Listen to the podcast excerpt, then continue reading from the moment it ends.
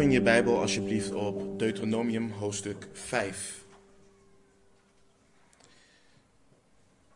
Deuteronomium hoofdstuk 5. Zondag gaan we vers voor vers door Deuteronomium en van, uh, vanochtend gaan we verder na een weekje pauze uh, aan onze reis door Deuteronomium en dus ook door de tien geboden. Mocht je geen Bijbel bij je hebben, steek je hand op en we voorzien je van de leenbijbel. En als je geen Bijbel hebt, dan mag je deze Bijbel houden als gift van ons en gift van de Heer. Dus we gaan vanochtend verder uh, en behandelen het vierde gebod. Uh, maar laten we alle tien geboden lezen en beginnen voor de context in vers 6 en vervolgens de tekst induiken. We lezen vanaf uh, vers 6 in Deuteronomium 5. Ik ben de Heere, uw God, die u uit het land Egypte, uit het slavenhuis geleid heeft. U zult geen andere goden voor mijn aangezicht hebben. U zult voor uzelf geen beeld maken, geen enkele afbeelding van wat boven in de hemel of beneden op de aarde of in het water onder de aarde is. U zult zich daarvoor niet neerbuigen en die niet dienen, want ik, de Heere, uw God, ben een naijverige God, die de misdaad van de vaderen vergeldt aan de kinderen en aan het derde en aan het vierde geslacht van hen die mij haten maar die barmhartigheid doet aan duizenden van hen die mij liefhebben en mijn geboden in acht nemen. U zult de naam van de Heere uw God niet ijdel gebruiken, want de Heere zal niet voor onschuldig houden wie zijn naam ijdel gebruikt. Neem de Sabbatdag in acht die te heiligen, zoals de Heere uw God u geboden heeft. Zes dagen zult u arbeiden en al uw werk doen. Maar de zevende dag is de Sabbat van de Heere uw God. Dan zult u geen enkel werk doen, u, nog uw zoon, nog uw dochter, nog uw dienaar, nog uw dienares, nog uw rund, nog uw ezel, nog enig vee van u, nog uw vreemdeling die binnen uw poorten is, opdat uw dienaar en uw dienares rusten zoals u. Want u zult in gedachten houden dat u slaaf geweest bent in het land Egypte en dat de Heere uw God u vandaar uitgeleid heeft met sterke, sterke hand en uitgestrekte arm. Daarom heeft de Heere uw God u geboden de dag van de Sabbat te houden. Eer uw vader en uw moeder, zoals de Heere uw God u geboden heeft, opdat uw dagen verlengd worden en opdat, u het, opdat het u goed gaat in het land dat de Heere uw God u geeft. U zult niet doodslaan en u zult geen overspel plegen en u zult niet stelen. En u zult geen vals, getuigen, vals getuigenis spreken tegen uw naaste. En u zult niet begeren de vrouw van uw naaste. U zult uw zinnen niet zetten op het huis van uw naaste, noch op zijn akker, nog op zijn dienaar, nog op zijn dienares, nog op zijn rund, nog op zijn ezel, nog op, nog op iets wat van uw naaste is. Laten we bidden. Vader, we danken u voor uw woord, voor uw eeuwig en blijvend woord. Heer, we danken u dat uw woord de onverstandige verstandig maakt en uh, de simpele wijs maakt. En we bidden ook, Heer, voor het bovennatuurlijke werk van uw geest, dat u ons oren geeft om te horen, ogen geeft om te zien. En dat u onze harten transformeert, opdat we meer op onze Heer Jezus Christus mogen lijken. We loven en prijzen uw naam en bidden alles in Jezus' naam. Amen. Bij het behandelen van het eerste gebod hebben we gezien dat het aanbidden van de ware God centraal staat. Israël mocht geen andere goden voor het aangezicht van de Heere God hebben. In het tweede gebod zagen we dat Israël God niet op een verkeerde manier kon aanbidden. Ze mochten geen enkel beeld voor hunzelf maken. Ze mochten dat niet doen en zeggen: Dit is de Heere God. En ze mochten helemaal niet voor een beeld neerbuigen. En bij het derde gebod hebben we gezien dat Gods naam niet ijdel gebruikt mocht worden. En de naam van de Heere mocht dus niet op ondoordachte of op lichtzinnige wijze gebruikt worden. Dit had niet alleen te maken met het uitspreken van Gods naam, uh, maar ook hoe zijn naam gelasterd kon worden in het ongehoorzaam zijn aan hem als beleidende discipel of zijn kind. En we komen vanochtend dus bij het vierde gebod. En het is goed om te herhalen dat de Heere God deze geboden geeft aan een verlost volk. Israël is verlost uit Egypte als slaaf van Egypte. En de Heere God geeft hen de geboden en de wijze waarop zij met hem kunnen leven in het verbond. En wij als kinderen van de Heere God in het nieuwe verbond, ingesteld door onze Heer Jezus Christus, houden deze geboden niet om in de gunst van de Heere God te vallen. We kijken niet naar deze geboden als een wijze om gerechtvaardigd te worden. De apostel Paulus leert ons in Efeze 2, vers 8 en vers 9. Want uit genade bent u zalig geworden door het geloof. En dat niet uit u. Het is de gave van God, niet uit werken, opdat niemand zou roemen. Dus een ieder die hier wedergeboren is, is niet zalig geworden door het houden van de wet. En ieder die geboren is uit God, is zalig geworden door reddend geloof in de Heer Jezus Christus voor de vergeving van zonden. De Heer Jezus Christus, onze vaste hoop, Hij heeft de wet volmaakt vervuld en is voor ons zonde geworden, opdat wij zouden worden de gerechtigheid van God in Hem. Dus we zijn vrij van de wet. En de meesten schreeuwen daar ook op, halleluja, want hè, we zijn vrij. Maar daarop dient ook gezegd te worden, we zijn niet wetteloos. We zijn niet vrijgekocht als slaven van de zonde om weer wetteloos te zijn, om ons zelf te dienen.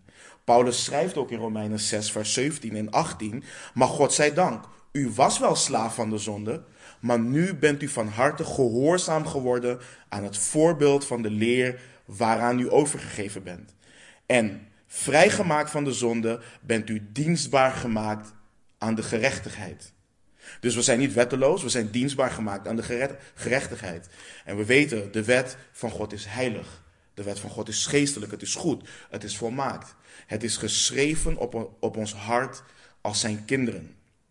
En daardoor zouden we ons moeten verblijden en verheugen in de wet. Nogmaals, niet om gerechtvaardigd te worden, maar juist omdat we gerechtvaardigd zijn in en door Hem. En nogmaals, we komen dus bij het vierde gebod. En het vierde gebod is een gebod wat voor veel discussie en veel verwarring zorgt. Wat betekent het gebod? Uh, wat betekent het gebod voor God? Wat betekent het voor Israël? En wat betekent het vandaag de dag voor ons in het nieuwe verbond?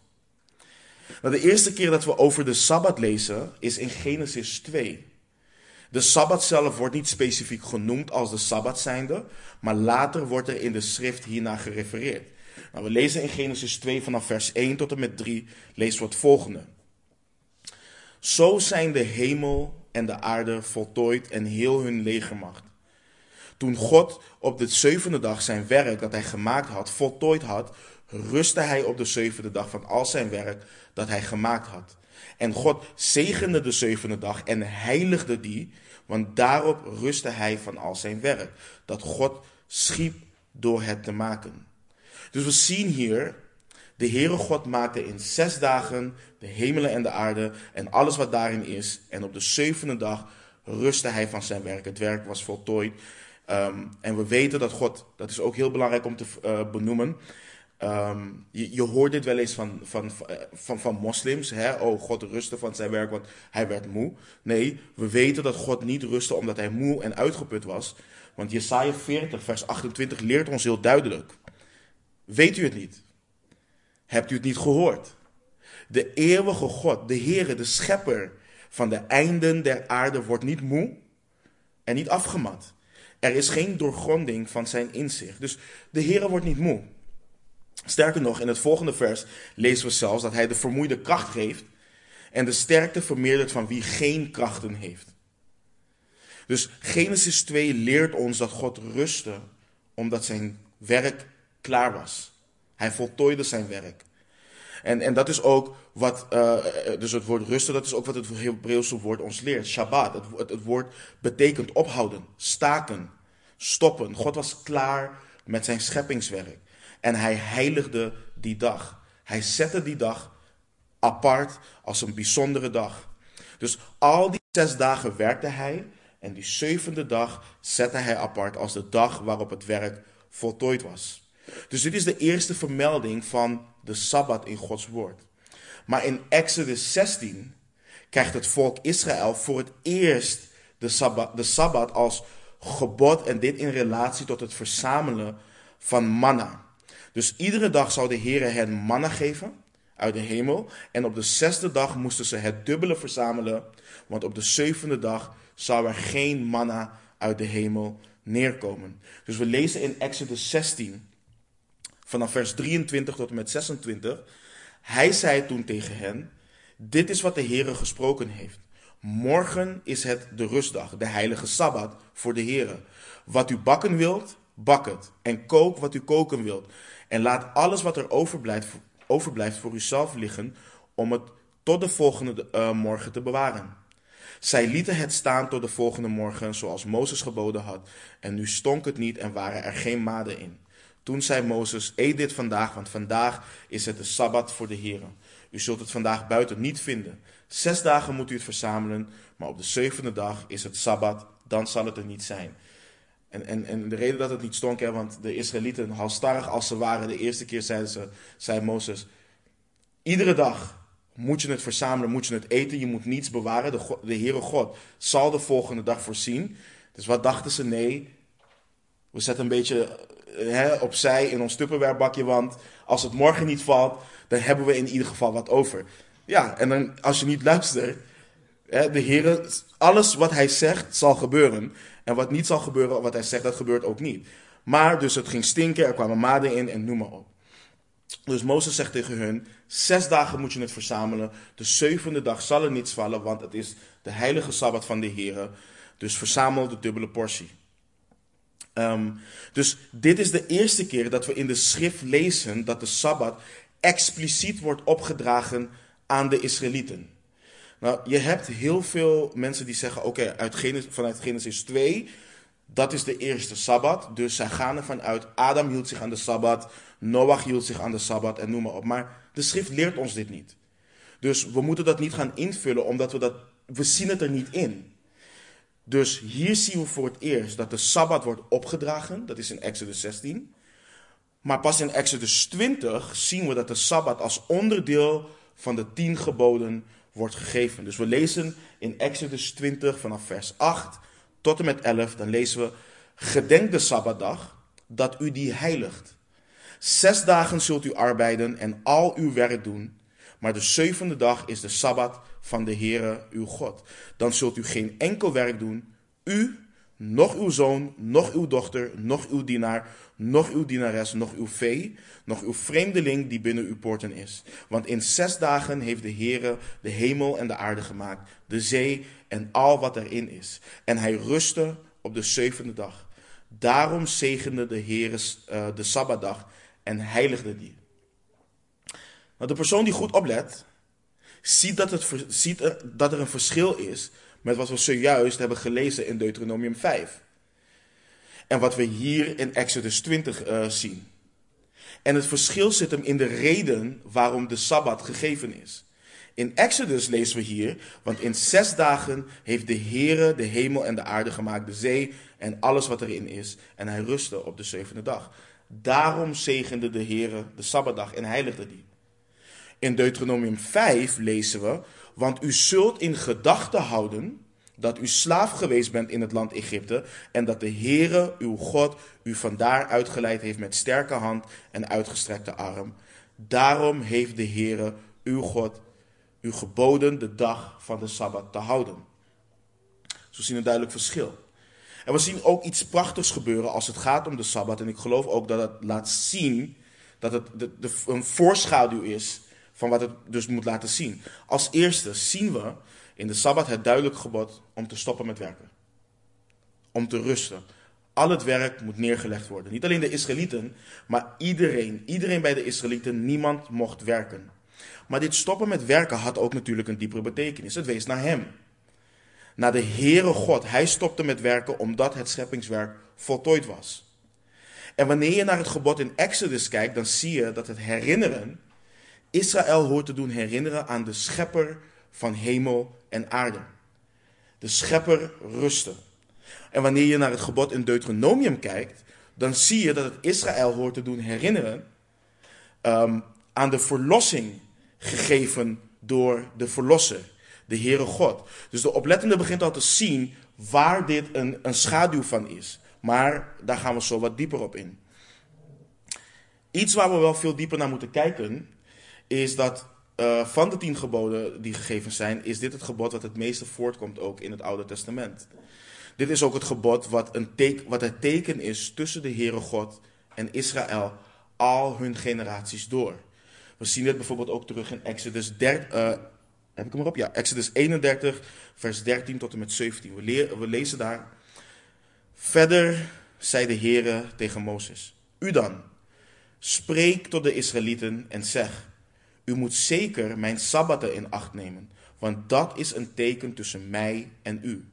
Al uw generaties door, zodat men weet dat ik de Heere ben die u heiligt. Ja, u moet de sabbat in acht nemen, want die is voor u heilig. Wie hem ontheiligt, moet zeker gedood worden. Ja, ieder die op die dag werk verricht, die persoon moet uitgeroeid worden, moet uitgeroeid worden uit het midden van zijn volksgenoten. Zes dagen zal er werk verricht worden, maar op de zevende dag is het Sabbat, een dag van volledige rust, heilig voor de Heer. Ieder die op de Sabbatdag werk verricht, moet zeker gedood worden. Laat de Israëlieten dan de Sabbat in acht nemen door de Sabbat te houden al hun generaties door als eeuwig verbond. Hij zal tussen mij en de Israëlieten voor, een eeuw, voor eeuwig een teken zijn, want de Heere heeft in zes dagen de hemel en de aarde gemaakt en op de zes, zevende dag heeft hij gerust en zich verkwikt. Dus je ziet in de eerste twee versen hier ook dat de Sabbat oh, eh, een teken, een getuigenis is dat men ziet dat God de Heere God is, dat Hij de Heere is, die hen heiligt. Zo Sabbat heeft ook iets met heiliging te maken. Dit is iets van totale toewijding aan de Heere. Dit gebod was dus zo serieus dat een ieder die het gebod negeerde gedood moest worden. En de Sabbat moest een dag zijn van volledige rust voor Israël. Een dag waarin het zichtbaar kon zijn voor de wereld om hun heen dat zij het volk van de Heere God zijn. Volledig toegewijd aan Hem. En je moet je voorstellen, de wereld draait 24-7. Iedereen is 24-7 bezig met het voorzien in hun eigen noden en de noden van anderen.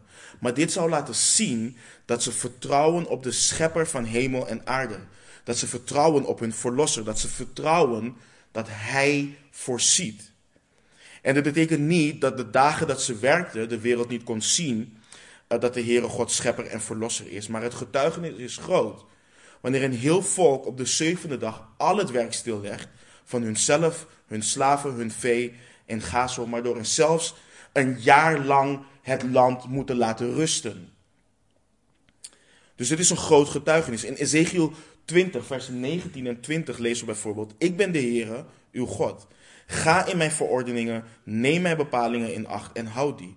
Heilig mijn sabbaten, zodat ze tot een teken zijn tussen mij en u, zodat u weet dat ik de Heere, uw God ben. Dus nogmaals, de Sabbat is een teken tussen de Heere God en Israël, zodat zij weten dat Hij de Heere hun God is.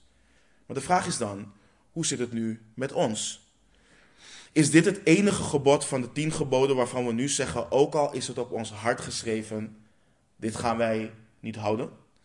Is, het, is de zondag de nieuwe Sabbat, de christelijke Sabbat in plaats van de zaterdag? Leer de Bijbel dat en hoe ging de eerste kerk hiermee om? En hoe zit het met de denominaties die beweren dat we de Sabbat moeten houden, zoals de Joden dat ook deden? Nou, net zoals de andere negen geboden geloof ik dat de Heer Jezus niet is gekomen om het vierde gebod af te schaffen, maar ook om die te vervullen. We lezen in Matthäus 5, vers 17 tot en met 19. Denk niet dat ik gekomen ben om de wet en de profeten af te schaffen. Ik ben niet gekomen om die af te schaffen, maar te vervullen. Want, voorwaar, ik zeg u, totdat de hemel en de aarde voorbij gaan, zal er niet één jota of één titel van de wet voorbij gaan, totdat het alles geschied is. Wie dan een van deze geringste geboden afschaft en de mensen zo onderwijst, zal de geringste genoemd worden in het koninkrijk der hemelen. Maar wie ze doet en onderwijst, die zal groot genoemd worden in het koninkrijk der hemelen. Dus, ik geloof niet dat we zeggen, gebod 1, check. Gebod 2, check. Gebod 3, check. Gebod 4 slaan we over en dan gaan we door naar 5, 6, 7, 8, 9 en 10. Um, maar voor we gaan stilstaan bij hoe houden wij ons in het nieuwe verbond aan de Sabbat, wil ik wat andere vragen uh, die ik zojuist stelde beantwoorden. Is de zondag de nieuwe christelijke Sabbat? Kunnen we spreken van de christelijke Sabbat? Ik geloof van niet. Gods woord spreekt niet van een christelijke Sabbat. Ik zie het niet terug in de schrift dat de Sabbat van zaterdag nu naar zondag is verplaatst met de opstanding van de Heer Jezus. Ik geloof daarin ook niet dat Gods woord leert dat zondag de nieuwe geheiligde dag is. God heiligde één dag. de zevende dag, de Sabbat.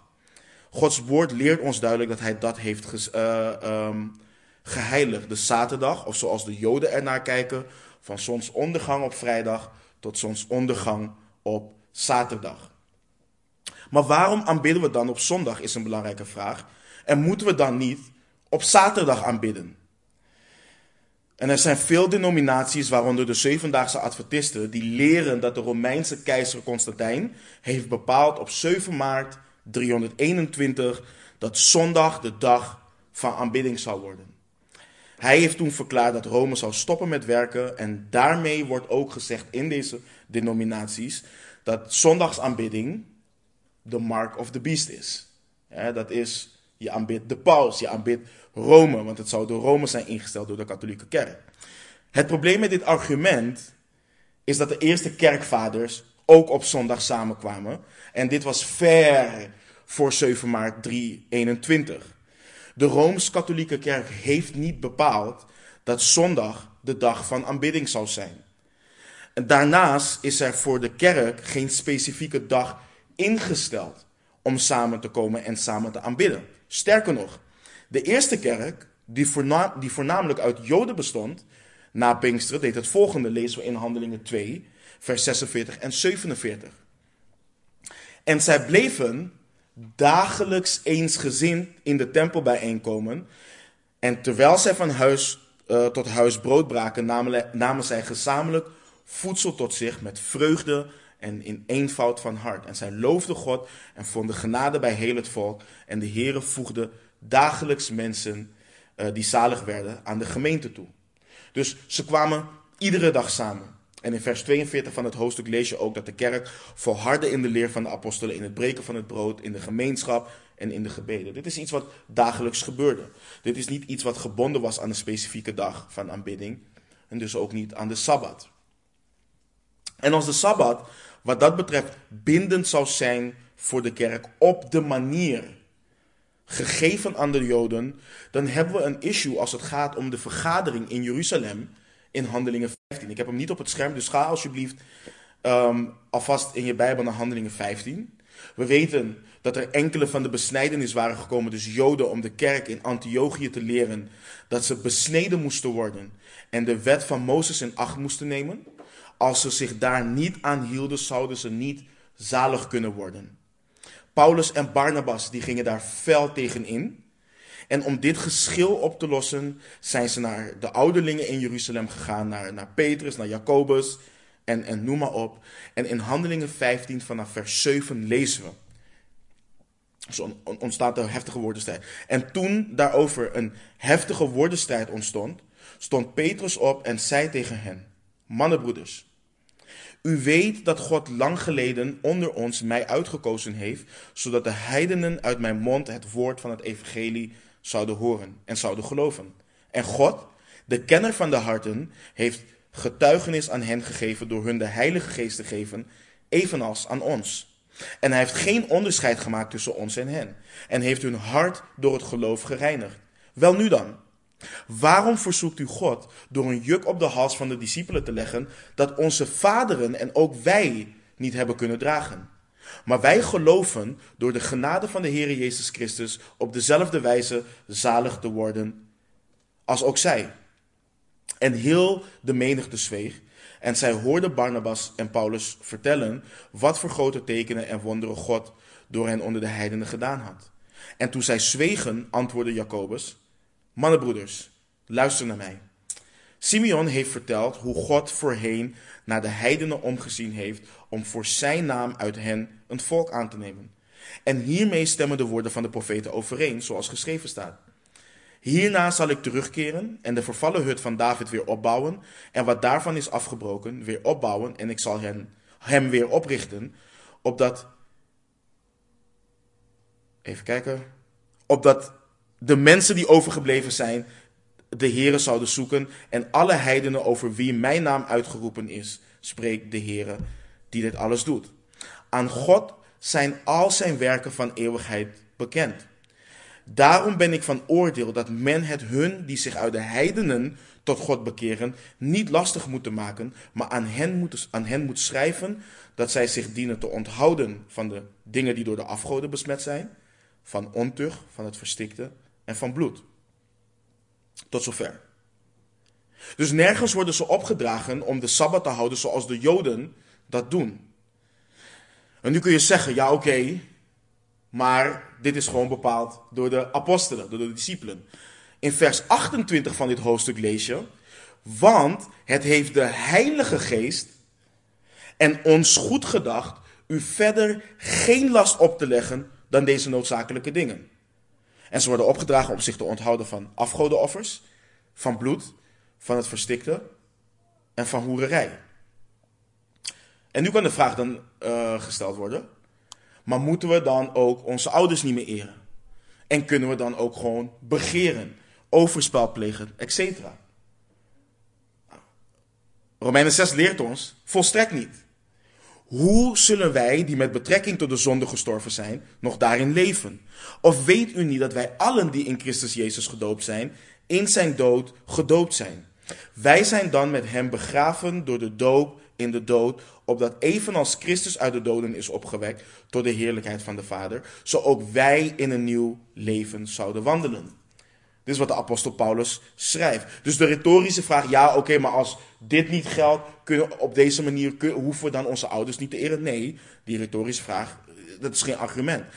Handelingen 15 leert ons niets over de Sabbat hoe belangrijk de Sabbat ook is voor de Joden.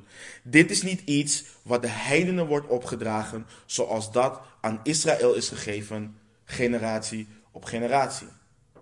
En de enige manier om te rechtvaardigen dat we de Sabbat moeten houden, zoals de Israëlieten dat is gegeven, generatie op generatie, is door te zeggen, wat de zevendaagse Adventisten ook zeggen, is dat wij nu als kerk Israël zijn. Maar we weten dat het niet zo is, dat is de vervangingsleer. En dat is dwaalleer. Oké, okay, Yamaju, waarom ging de apostel Paulus dan naar de Joden op de Sabbat? Dat laat toch zien dat de Sabbat een dag van aanbidding was. Zijn ook de argumenten die we krijgen. Maar wat we moeten begrijpen is dat de apostel Paulus daar niet was voor fellowship. De apostel Paulus was daar voor evangelisatie. Uh, Paulus ging altijd eerst naar de Joden en vervolgens naar de heidenen.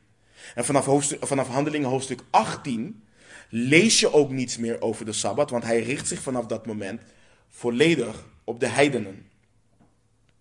En is oké, maar God, de Heere God, rustte op de zevende dag. En dat was voordat de wet is gegeven.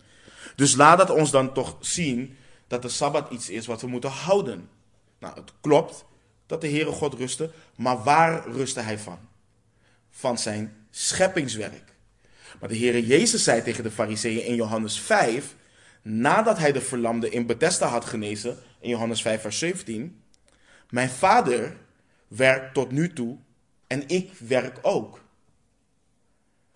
Dus de Heere God rustte op de zevende dag van zijn scheppingswerk, maar werkte wel door. En in het Oude Testament zien we de Heere God aan het werk wat betreft het werk van verlossing, wat hij zou brengen in en door zijn zoon.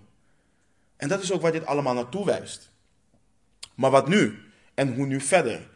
Want de Heere Jezus leert in Marcus 2, versen 27 en 28. En hij zei tegen hen: De sabbat is gemaakt ter wille van de mens, niet de mens ter wille van de sabbat. Daarom, de zoon des mensen is Heere ook van de sabbat. Nou, als maker van de sabbat, want we weten uit Johannes 1, 3, alle dingen zijn door het woord gemaakt en zonder dit woord is geen ding gemaakt dat gemaakt is. De Heer Jezus hiermee als het ware duidelijk maakt dat Hij als Heer van de Sabbat gezag heeft over de Sabbat. Hij is soeverein over de Sabbat. Hij heeft het ultieme gezag over de regels, de gebruiken die gelden voor de Sabbat. Je moet je voorstellen dat, en we hebben het daar ook wel eens eerder over gehad toen we vers voor vers door Johannes heen gingen, dat de Joden daar een enorme last van hadden gemaakt. Letterlijk, oké, je mocht van boven naar beneden, mocht je wel iets stillen. Maar van binnen naar buiten was werken. Er werd letterlijk gediscussieerd. Oké, als iemand um, iets in zijn zak heeft, is, wordt dat dan gezien als werken, ja of nee? Het is hetzelfde als hoe soms in de hervormde kerk urenlang of dagenlang gedebatteerd kan worden over welk kleur tapijt gaan we nemen, of gaan we deze liederen wel of niet zingen, of noem maar op. Dat soort dingen werden er gedaan ehm, door de fariseeën. En de Heer Jezus maakt duidelijk, niet de fariseeën bepaalden met hun extra regels en gebruiken hoe de Sabbat gehouden diende te worden en wat het betekende, maar de Heere van de Sabbat, Hij doet dat. Hij bepaalt dat. En de Heere maakt dus ook duidelijk dat niet de mens is gemaakt ter wille van de Sabbat, maar juist andersom. De Sabbat is gegeven juist om mensen rust te geven van hun werken. Niet om hun een juk op te leggen. Niet om hun, ehm, hun eigen vorm van rechtvaardigheid te laten bepalen en te behalen. Niet om zichzelf tot een burn-out te werken en de Heere God te vergeven, vergeten. En dat is ook wat de Joden continu deden. Op een gegeven moment zagen, zagen ze de Sabbat ook als een last. Wanneer is, wanneer is de Sabbat voorbij, zodat we weer handel kunnen drijven op de markt en al dat soort dingen. Dus in plaats van het goede wat de Heere God heeft gegeven, begonnen ze het als een last te zien. En, en, en, en zij dachten dus dat ze door het houden van de, van de Sabbat of van de wet op, op hun eigen manier gunst konden verkrijgen bij de Heere God. Dat ze zichzelf rechtvaardig zouden kunnen presenteren. Maar we lazen net Handelingen 15. En Petrus zegt daar ook iets essentieel, dat we daar ook weer, moet, daar, weer naar moeten kijken. Handelingen 15, vers 11. Wij geloven door de genade van de Heer Jezus Christus op dezelfde wijze. Dat is zo belangrijk. Op dezelfde wijze zalig te worden als ook zij. Niet de heidenen moesten hun gedachten veranderen over hoe zalig te worden. De Joden moesten hun gedachten veranderen. Zij werden zalig op dezelfde wijze als de heidenen door genade. Dus het is niet werken om rechtvaardig te worden. En daarmee komen we dus ook bij hoe wij de Sabbat kunnen houden. En dat is onder andere wat ik geloof door te rusten in het volbrachte werk van onze Heer Jezus Christus. Het volbrachte werk aan het kruis en uitkijken naar de eeuwige rust die er voor ons ligt. Aan de ene kant door te rusten in de genade van, um, van, onze Heer, door ons, van onze Heer Jezus Christus. Door onszelf niet een juk op te leggen waarmee wij de zaligheid kunnen verdienen. Of waarmee we meer in de gunst van God kunnen komen. Maar nogmaals, door te rusten en vertrouwen op Hem die het werk volbracht heeft. Want door stil te staan bij het werk wat de Heer Jezus Christus heeft gedaan, gedenken we hoe onze Schepper ons maakte. En gedenken we hoe Hij het hemelse manna bracht, wat onze Heer Jezus Christus is. Het brood des levens. En gedenken we hoe Hij ons uit de slavernij heeft bevrijd. Hij heeft ons bevrijd als slaven van de zonde. Bevrijd uit de duisternis en geplaatst in het licht. We gedenken Hem als schepper, voorziener en verlosser. Maar er is ook een eeuwige rust waar we naar uit mogen kijken. En dat is wanneer we voor eeuwig bij Hem mogen zijn. En de auteur van Hebreeën is hier ook heel duidelijk in. In hoofdstuk 3 en 4 laat hij zien hoe de Israëlieten vanwege hun ongeloof het beloofde land niet in konden gaan. Dat ze de rust niet in konden gaan. En dan waarschuwt hij zijn lezers als het ware om niet dezelfde fout te maken. Ze moeten Gods offer van rust in de Heer Jezus Christus niet afwijzen. Als je in je Bijbel naar Hebreeën 4 gaat, ik heb hem niet op de slide, we gaan best wel een stuk lezen. Hebreeën 4 gaan we lezen vanaf vers 1. Dan lezen we, laten wij er dan beducht voor zijn dat iemand van u ooit schijnt achter te blijven. Terwijl de belofte om in zijn rust binnen te gaan nog van kracht is. Want ook aan ons is het evangelie verkondigd evenals aan hen. Maar het gepredikte woord bracht hun geen voordeel, omdat het niet met geloof gepaard ging bij hen die het hoorden. Wij die tot geloof gekomen zijn, gaan immers de rust binnen, zoals hij gezegd heeft. Daarom heb ik in mijn toorn gezworen, mijn rust zullen ze niet binnengaan. En dat terwijl zijn werken al sinds de grondlegging van de wereld voltooid zijn. Want hij heeft ergens over de zevende dag als volgt gesproken. En God heeft op de zevende dag van al zijn werken gerust. En op deze plaats opnieuw, zij zullen mijn rust niet binnengaan.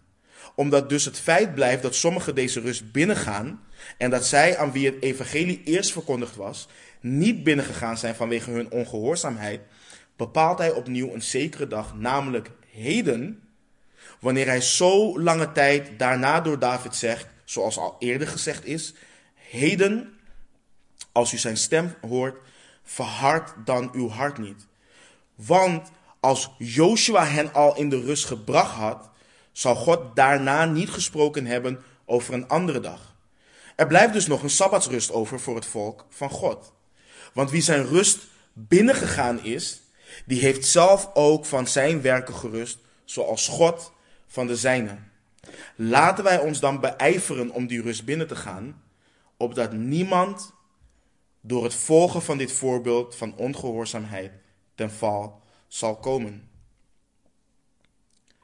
Dus voor de wedergeboren discipel van de Heer Jezus geldt dat wij reageren op zijn uitnodiging van rust en uitkijken naar de toekomstige rust.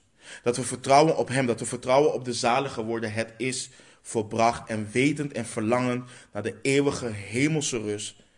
Wat dat, wat, ons, wat, dat, wat dat ons zal brengen en wat dat nu ook al brengt.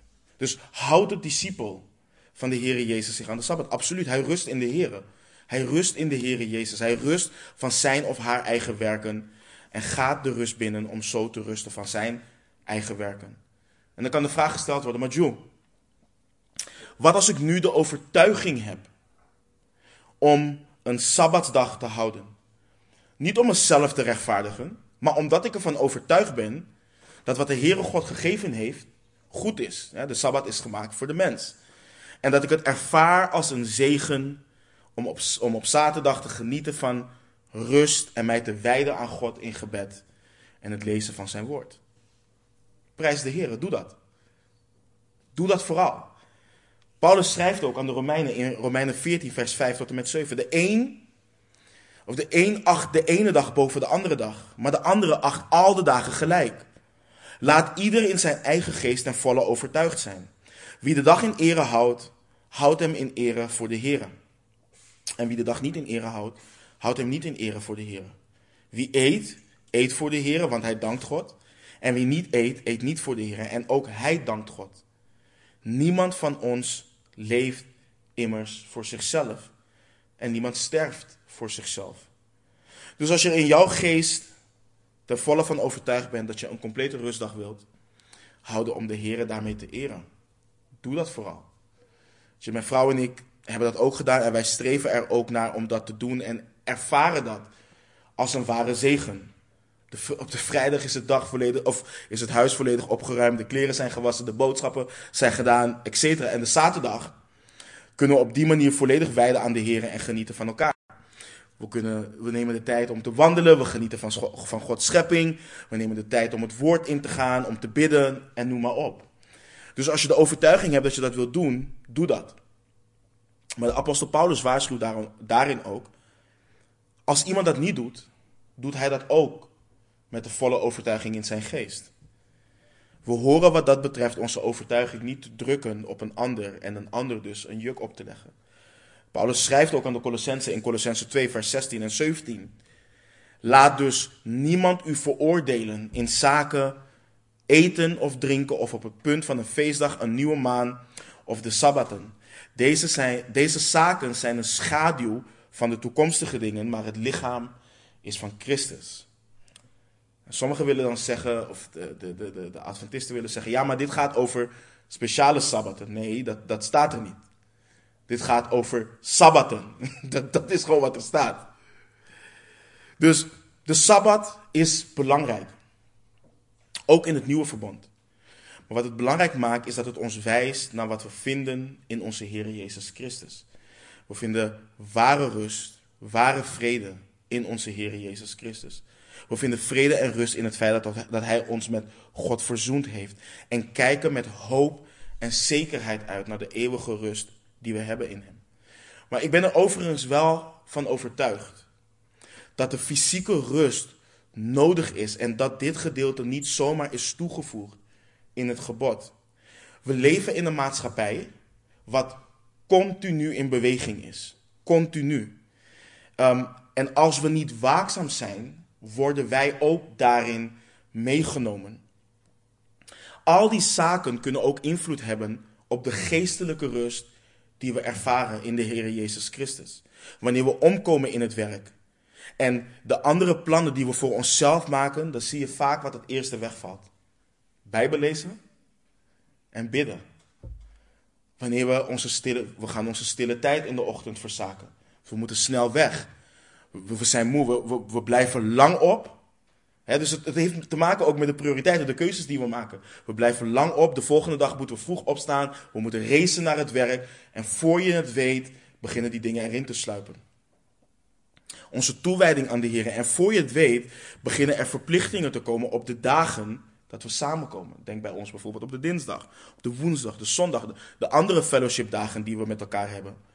Denk aan het feit dat je tijdens de samenkomst wellicht denkt aan het werk, het huishouden, uh, of noem maar op. En, en die stress ervaart van het werk wat er nog ligt. Of dat je gelijk moet weghollen na de samenkomst. En we moeten onszelf dan echt afvragen of we daadwerkelijk rusten in de Heer. Of we daadwerkelijk rust hebben.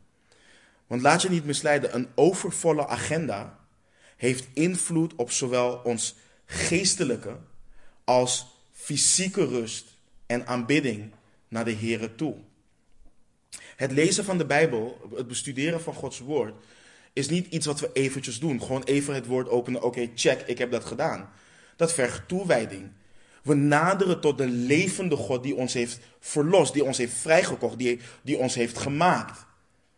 Ja, afgelopen, afgelopen woensdag hadden we het daar ook over toen we in, in, bij, um, toen we in Psalm 1 uh, um, waren.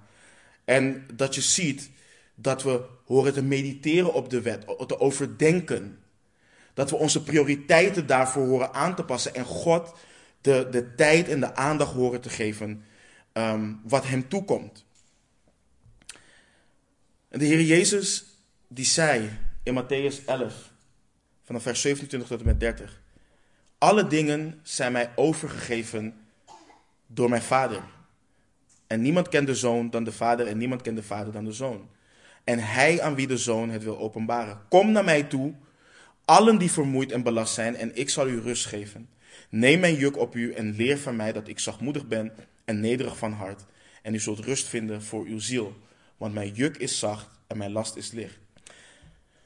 En sommigen ontkennen dat de Heer Jezus hier ook hint naar de ware betekenis van de Sabbat en de rust die te vinden is in hem. Maar vergeet niet dat Gods woord niet geschreven is met hoofdstukken en versen. Dat is pas later erbij gekomen. Dus wat wij doen is, wij lezen dit als het einde van hoofdstuk 11 en zien hoofdstuk 12 als een nieuw begin. Maar net na deze uitspraak, uitspraak maakt de Heer Jezus de claim, want de Zoon des Mensen is Heere, ook van de Sabbat. Dus de Heer Jezus herinnerde de mensen aan Gods werkelijke bedoeling met de Sabbat. De eenheid met God, de schepping en elkaar en wat we zo prachtig zagen in de Hof van Eden. En de Heer Jezus leerde dat de Sabbat over barmhartigheid ging. Het moest naar Hem wijzen. Degene die beloofd was door alle profeten van Israël. Degene die de orde van de schepping zou herstellen. En als volgelingen van Jezus de Sabbat vieren, leven we alsof dit herstel al heeft plaatsgevonden. We rusten van de drukte om ons te onderwerpen aan zijn heerschappij en om te genieten van zijn aanwezigheid. Dus voor ons belangrijk. Zie de Sabbat, de fysieke Sabbatsdag, als een zegen. Niet als een last wat de fariseeën ervan gemaakt hadden. Het is gemaakt voor de mens en alles wat de Heere God gegeven heeft is goed. Maar nogmaals, er is geen veroordeling voor hen die het niet houden.